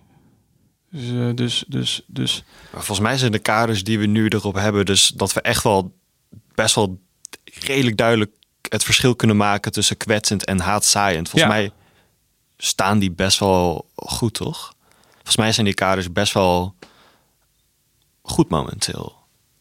Volgens mij, Ja. naar mijn inzicht. Misschien is dat ook wel zo, ja. Het is in ieder geval goed om ze altijd met harde lijnen ertussen. Terminologie. ja, maar het is, ik vind het ingewikkeld. eh, eh, wie, wie, wie, wie moet nou waarvoor opdraaien? En dat, dat is dus, denk ik, het is ook je eigen machtspositie bepalen als consument. Je eigen max, machtspositie bepalen als, als, als persoon met invloed, die dus social media consumenten valideert die over de scheef gaan. En Ja. dan heb je daarboven techbedrijven en de staat. Eh, dus het zijn essays waard. Ja, ik denk dat er ook best wel een grote rol voor... Ja, je benoemde net ook een beetje de social media bedrijven... maar ook dat, dat we bubbels echt niet moeten onderschatten. Hoe, hoe, Ja. Hoe eigenlijk social media gewoon gebouwd is op engagement. En dat eh, als het platform jou eenmaal kent... dat die het soms ook waard vindt om eh, ja, berichten naar je te pushen... waar die van weet, jij bent het er waarschijnlijk niet mee eens... dus dan ga je iets haatzaaiends erop zeggen. Ja. Ik Ja. denk dat we dat ook wel dat soms een beetje vergeten, ja, die het bubbels. is bijna een soort digitale segregatie waar je... eh, Nou ja, bijna. Het is het misschien wel, Ja, digitale het segregatie. is een hard waar- woord hoor, maar ja. Nou, ja, ja, ja, ja. Een nou, verzuiling misschien eerder. Verzuiling, dat dat ja. Zou kunnen Ja. zeggen. Ja. Ja, ik zat een beetje te denken ook aan bijzonder onderwijs. Toch christelijke school, openbare school, katholieke school, Ja. protestantse school. eh, ehm, islamitische school, weet je wel. De, de, de, de, de- de- je- je- dat gevoel krijg ik er een beetje bij. Allemaal in ons eigen zeiltje, ons eigen hokje. Ja, Ja, hey, en we hadden het net een beetje over desinformatie, maar een, een punt waar ik het ook over wil hebben, dat is een, ook aangekoppeld. We hadden het er even kort over, ook over haat. Want ja, er is een groeiend online haat tegen LHBT-gemeenschap. Ja. Zo liet onderzoek van de Groene Amsterdammer eh, ook zien. Eh, ja, hoe kijk je hier tegenaan? Waar denk je dat het vandaan komt? Want ik denk dat we dan we ook weten best toch waar wel het vandaan komt. We weten toch wie dat voedt? Ja, ja, ja ik, ik denk dat we dus uitkomen bij de zondebokpolitiek. Ja, zonder bokpolitiek. Dat, de, 100, pro- de, de, wat er met eh, afgelopen twee jaar met, met, met de positie van transpersonen is gebeurd, dat is echt, je ziet het zo gebeuren, walgelijk. Als een soort, soort haatstokpaardje van, van, van conservatieve politici en opiniemakers. Die, die, die nog nooit zich één fucking seconde bezig hebben gehouden met vrouwenrechten. Maar als ze een transpersoon mee kunnen pakken, dan, eh, dan eh, opeens... eh, Zijn ze de grootste de feminist? grootste, grootste feminist. hè. Het is een beetje de, de, de, de Geert Wilders die zich nog nooit heeft ingezet voor, voor homorechten. Maar, maar als hij de moslims mee kan slaan, dan doet hij het al, al te graag. Dat, dat, dat, dat zie je gewoon. Ja, het is echt walgelijk. Walgelijk. Ja, ik snap het punt ook niet zo goed. Dus Het punt? nou, het, eh, ja, ik, ik was nog niet klaar met de zin. Ehm, bijvoorbeeld over ehm transzorg. Ehm, straks krijgt een kind spijt. En de cijfers zeggen dat dat zo'n kleine marginale groep is. Dat, dat, daar gaat het helemaal niet om. Het zijn niet de mensen die bezig zijn met het welzijn van andere mensen... die zich hier druk om maken. Ja, en, en de vraag komt dan een beetje van waarom hebben, krijgen we die zondebokken? Oh, dat werkt. Toch voor politieke partijen.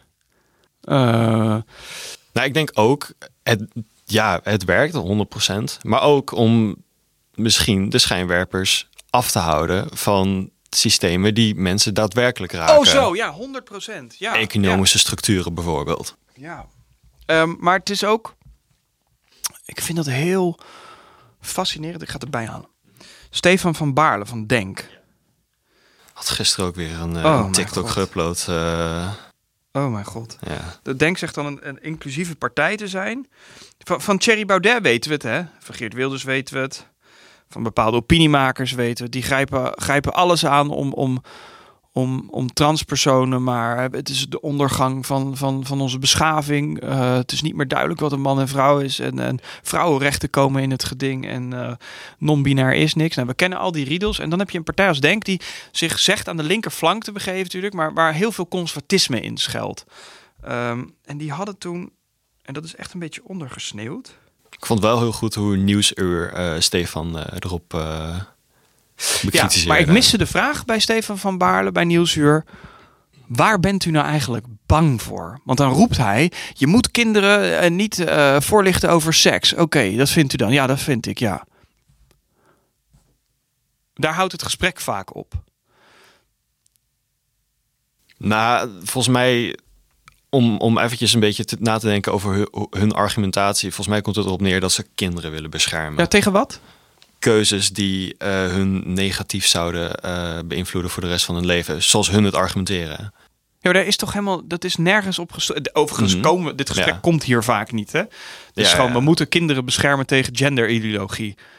En die genderideologie is dan, eh Sjoerd, je bent nu acht of tien of twaalf en het kan zijn dat Bram op een jongetje verliefd wordt.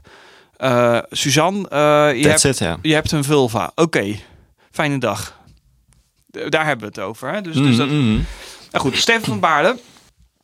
eh, die, die, die heeft dan zo'n filmpje. Ehm, ehm, dat was, waar, wanneer was het? Dit was al in, in mei was dat.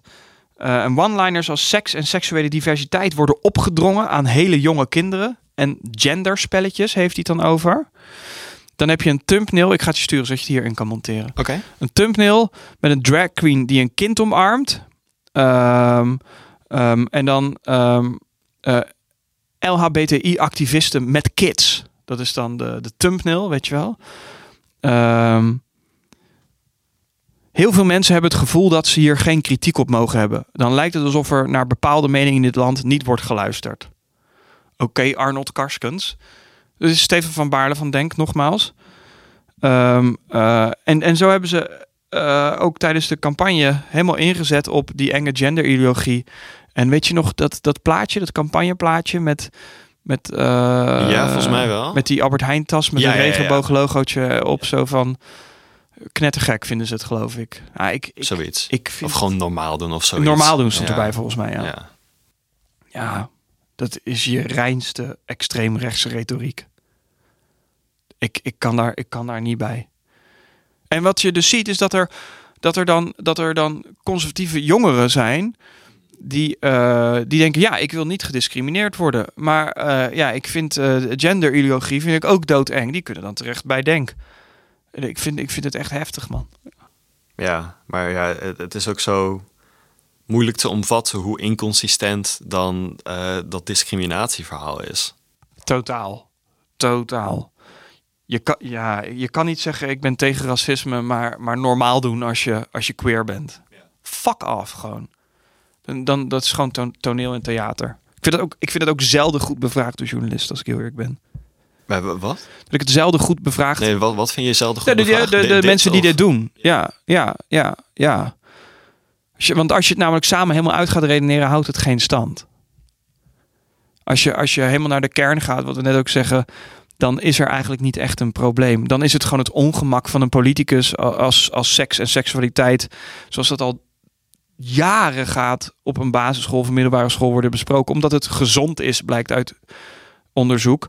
Als je jongens leert dat ze niet zomaar aan meisjes moeten zitten. En als je eh, eh, mensen leert dat je, dat je klasgenoot queer kan zijn, weet je wel. We zijn het sowieso helemaal eens over dat eh, zulke politici daar beter over bevraagd moeten worden. Maar denk je dat het een verschil zou maken? Denk je dat feiten hier te doen en dat ze niet veel meer inspelen op emotie? En dat dat dus ook is wat wij moeten Ja. doen. Dat wij veel meer de andere kant, de emotie erbij moeten halen om dit tegen te gaan. Ja, vind ik ook moeilijk. Weet je Ik wel. ook, maar, ik, ik, ja. ik snap wat je zegt. Eh, ehm. Maar kijk, Nederland is een geprivilegeerd, het moet wel gezellig blijven land. Dat betekent dat ze vanuit het privilege kunnen zeggen v- voor ongezelligheid zijn. En dan komen ze altijd op, je moet niet zo zeiken. En dat is ook niet iets gezelligs om te zeggen. Even, even platgeslagen, hè? Dus je moet niet zo zeiken. En eh, pleur lekker op naar je eigen land. En nee, Zwarte Piet moet wel blijven. En daar sta ik voor. Maar dat is natuurlijk ook vanuit je eigen machts- en luiheidspositie. Morele luiheidspositie. Die niet altijd verwijtbaar is. Omdat als je gewoon heel lang nergens druk om hebt hoeven maken. Waarom zou je het opeens wel doen? En, en als je dan... Als iemand daar tegenover staat en zegt... Ja, maar wacht even, Zwarte Piet is racistisch. En hier heb je Denk en de PVV en Geert Wilders... en die beschimpen transpersonen. En dat, dat is gewoon eh fascisme-retoriek. Dan zeggen mensen, ho, ho, ho, ho. Nu ga je wel heel erg ver. Dan moeten ze opeens mee bezig zijn. Dus ik weet het, ik weet het antwoord op die vraag niet. Ik denk dat feitelijkheid... Hoe, hoe we dat ongemak doorbreken. Ja, als mediamaker heb ik daar misschien wel wat antwoorden op. En dat is niet altijd de problemen belichten. Wat je heel vaak ziet bij, bij, bij, bij media over transpersonen, is de problematiek. Ja, precies. Maar het gaat nooit over het geluk van Snap je? de 99,9 procent. S- Snap je? Die er zoveel fijner uitkomen. Je ziet eh, transzorg. Hier, eh, dat is goed, hè? Problemen moeten belicht worden. Begrijp me niet verkeerd. Transzorg. Hier loopt het spaak. Eh, dan heb je documentaire of, eh, eh, of, of, eh, of, of een kantartikel met één iemand. Die heeft spijt. Of eh, dit is eh, transpersoon A. Die eh, is in elkaar geslagen. Transpersoon B. Die wordt ook in, in, in diens nek gespuugd. En dat zijn nogmaals, dat zijn dingen die echt besproken moeten worden. De problematiek. Maar het is ook goed als mediamaker, hè, als de verantwoordelijkheid te daarin te nemen. En ook te laten zien dat we te maken hebben met mensen. En, en, en waarom het fijn is dat er goede transhulp is. Waarom het fijn is als je, als je door je familie omarmd wordt. Waarom het fijn is als je veilig over straat vindt. Of een partner vindt. Of eh, we- weet je wel. eh, Waarom denk je dat we het daar nog zo weinig over hebben? Ver- verkoop dat minder. Misschien krijgt dat minder kliks of zo. Eh, eh, dat, eh, eh, eh, ik heb daar niet een, een sluitend antwoord op, maar wel één. We zijn ook een beetje hè, de, je, eh, emo-porno. Zijn, vinden, kijken we ook graag naar, lezen we graag. Oh, het erg. Mm, ja, ja. Ja, maar dat het verkoopt dus. Dat, dat het het- kliks ja, ja, ja, dat, eh, dat is één. Twee, bijvoorbeeld over transpersonen. Er zijn natuurlijk zijn weinig, weinig transpersonen hoog in de boom bij mediaconcerns. Dus dat soort verhalen worden gemaakt van mensen die eh, toekijken of niet helemaal weten waar ze het over hebben. Of, of het vanuit een andere positie beschouwen. Het is hetzelfde als met, met, met.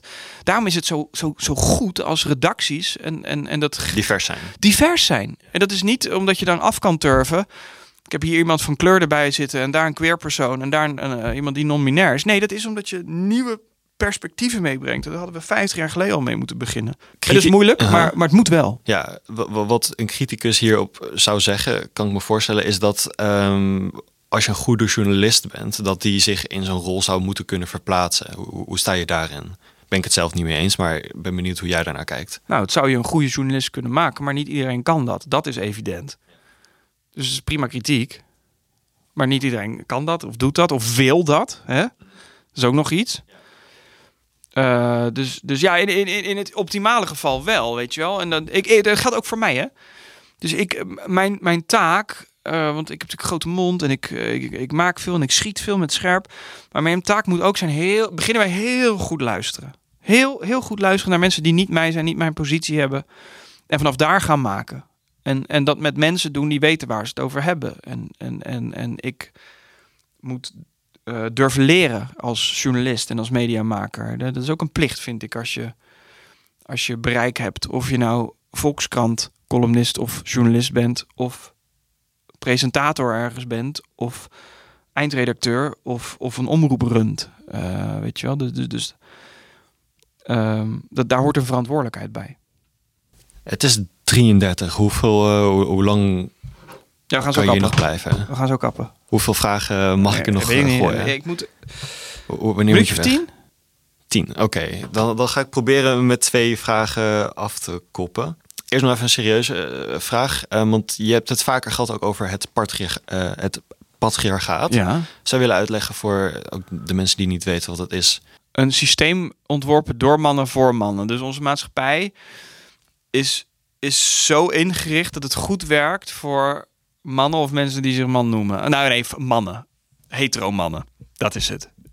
Witte hetero mannen. Maar, maar vooral hetero mannen. Ehm, en dat betekent dat eh, als het gaat over sociale normen en waarden, dat we vaak uitgaan van, van, van wat mannen graag willen en normaal vinden. Ja, Zou je dus- het concreet kunnen maken ja, misschien? ja, dus ehm, god. Je hebt een paar toonbeelden van patriarchaat. Bijvoorbeeld medische zorg. En, en ehm, ehm, ehm, als het gaat over onderzoek naar hart- en vaatziekten bijvoorbeeld, wordt dat stevast, is dat stevast gedaan bij mannen. Terwijl vrouwenlichamen werken anders. Ja, precies. En een fun fact daarbij ook is dat, eh, vind ik een interessant feitje, dat zowat alle medicijnen die op dieren zijn getest, zowat allemaal mannetjes muisjes of mannetjes Is dat zo, konijnen. ja? Ja, ja, nee, serieus, ja. Zelfs dan. Eh, t- crash test dummies in auto's. Auto's zijn veilig voor mannen en mannenlichamen. Niet, niet per se voor vrouwen. Volgens mij is het afgelopen twee jaar of zo voor het eerst zijn crash test dummies met, met vrouwenafmetingen en zo eh, getest. En dat komt dan door hoe de, de band, eh, de, de Gordel. De gordel, om Maar bijvoorbeeld, ja, bijvoorbeeld. Uh, ja, ja, ja, het gaat okay, over lengte en bouw en, en uh, ik weet het niet, misschien borstplacering, ik, de, de, dat soort dingen. Correct me if I'm wrong. Um, uh, het gaat over wat we um, over seksualiteit. Zie je het patriarchaat in vol ornaat. Zo moet een vrouw zich gedragen. Het is, zo simpel als je het kan bedenken. Vrouw met veel mannen is slet. man met veel mannen is in ieder geval niet een slet of stoer. Uh, de orgasmekloof, uh, de loonkloof. De wereld is ingericht door en voor mannen. Overwegend. Dat is het patriarchaat. Nice. Um, en dat moet kapot. Ja, eens. Uh, en dan als afsluitende vraag, om het een beetje gezellig te eindigen. Oh, ging dat licht uit. Um, heb je nog een nieuwe band ontdekt dit jaar? Ja, man. Moeten we het eventjes over ja, hebben. Want vorige keer zaten we het over Midwest emo door te lullen. Ja, maar ik blijf ook wel een beetje in de Midwest emo. Ja, ik ook dus. het is goed, ja, ik, ben, ik ben dus dit jaar ook naar Japan geweest. En ik ben echt helemaal verliefd geworden op Japanse math rock. Echt geweldig. Ja, ja uh, moet je maar even doorsturen. Daar ben ik wel benieuwd naar, ja. Maar je, maar je zit zelf ook een beetje in de math rock, toch? Misschien ja, dat je totaal. Ik heb net weer met uh, iemand van mijn redactie uh, Uh-huh. Ben Quad, fucking vette band. Oké. B E N spatie Q U A D. Uh, This is pointless. Uh, Belmont, B-E-L-M-O-N. Belmont ken ik, ja, ja die zijn man. vet. Die zijn vet. Man, uh, ja, jij, jij zit ook wel echt meer de, de obscure kanten. Ja, ook, uh, ja. Weet je het ook vet bent? is Oflof. Okay. Volvo achterstevoren. En dan een liedje Short Morgan, maar je kan alle albums opzetten van ze. Even kijken hoor. Ja joh, ik, ik kan hier... Oh, en I Feel Fine. Fucking vette band ook. Volgens mij had je die vorige keer ook... Heb ik die gezegd? Ja, ja, ja. ja, Die, ja dat is echt... Ja, ja. Nederlandse bands. Uh, Tijger Tijger. Die heb je in je story ja, eens een keer ja, gezien. Ja, ja, wat, echt, voor muziek is dat? Ja, meer grunge. Dus okay. als, je, als je van Nirvana houdt, dan is dat het. En het is iets melodieuzer. Maar goed, jongen, een liedje in between, maar ook Summer. Nico natuurlijk, dat is mijn favoriet. Uh, kijk hoor, dus nieuwe dingen. Hè? Ja, ja, die ja. dit jaar ontdekt heb. Ja, ik ben veel Pine Grove gaan luisteren. Oh, ja, dat is... Ja, de, de, Die van de TikTok uh, dansje. Ja, ik wou het net toegeven, helaas ken ik ze daardoor. Ken je ze daarvan, ben, ja? ja? Sorry, wel, maar ik ben ze wel ontdekt, ontdekt uh, daardoor. Daar ben ik wel blij. Het is wel, het is wel, het is wel een zielig verhaal. Of zielig. Die band speelde, die zijn toen gestopt. En vlak daarna... Zijn ze die, helemaal viral zijn, gegaan. Zijn viral gegaan. En die cijfers oh, zijn echt dat niet toe. Dat is dat liedje, dat heeft nu 77 miljoen plays. Daarvoor waren het geloof ik 10 of 11 miljoen. Dus zij zouden gewoon nu een wereldtour kunnen gaan doen. Dan zouden het slagen, alleen ze zijn niet meer bij elkaar. Ze zijn ook niet bij elkaar gekomen omdat het succes is. Nee, die zijn nog steeds nee. uit elkaar. Ach joh. Nee, dus uh, even kijken hoor. Nee, ja, ja dat... Uh, ja, ik heb ook nog wel wat, wat leuke andere dingen. Wacht, geef me één seconde. Mm -hmm. uh, ik heb ook veel leuke... The Pretty Things is leuk. Oh, Shida Shahabi, dat is vet. Is dat een Nederlandse artiest ook? Of uh, weer een nee. beetje in de emo? Of wat voor muziek nee, is dat? is wat, wat meer ambient-achtig. Uh, wat ik ook heel vet... Ik weet niet of jullie dat kennen. The Beaches. Edge of the Earth. Het klinkt als een bekende naam. Ja. Maar, nee, nee, dat zijn de Beach Boys. Nee, wat, wat is de Nee, Beaches? ik denk dat je het kent. Ja, het is heel leuk. Uh, Edge of the Earth. Mond in ander. Mm -hmm. um, PT. I'll Wait. fucking vet. Hoe kom jij bij je nieuwe muziek? Want echt heel veel. Ik, ik dacht dat ik best wel bekend was in dit genre. Maar je komt altijd met van die namen waarvan ik denk van wow, nooit van gehoord. Man I Trust, dat moet je luisteren. Man uh, I nou, Trust, die zijn heel goed. Dit ja, is echt ja, mijn hobby. Dus ik, ik besteed hier heel veel tijd aan. Dus ik, ik maak ook echt heel veel playlists. Ik ben daarmee bezig. Ik heb ook een WhatsApp groepje met, met een paar muziekvrienden. Waar we de hele dag delen. Ik ben degene die alle lijsten maakt. En de concerten voor een deel Maar ontdek je het dan door internet? Of ga je ook echt naar za platenzaken toe en nee, poel je een random nee, plaat nee, wel uit? Internet. Of ja, wel wel internet. internet. Ja, en, en, en Heersee. Kijk je ook van die muziekreviews? Ook wel, maar ik heb echt de tering aan kunstrecensenten. Dus ik, ik, ik uh, fok daar niet zo mee, man. Ook niet met Anthony Fantano? Nee, man. Fuck, fuck no. Nee, man. Ja, ik ben zelf fan ja. van hem. Maar ik... Wat ga je op een stoel zitten en kunst een cijfer geven, man? Ga naar huis, joh. Ja, maar het cijfer komt altijd aan het einde. Maar het is gewoon zijn ervaring. En mensen vinden het fijn om dat samengevat te hebben in een cijfer. Maar ik vind dat ja, dat nou, wel ja, mag zijn. Ik vind het goed. Volkskrant doet geen, uh, geen ballen meer, toch? Is dat... Uh...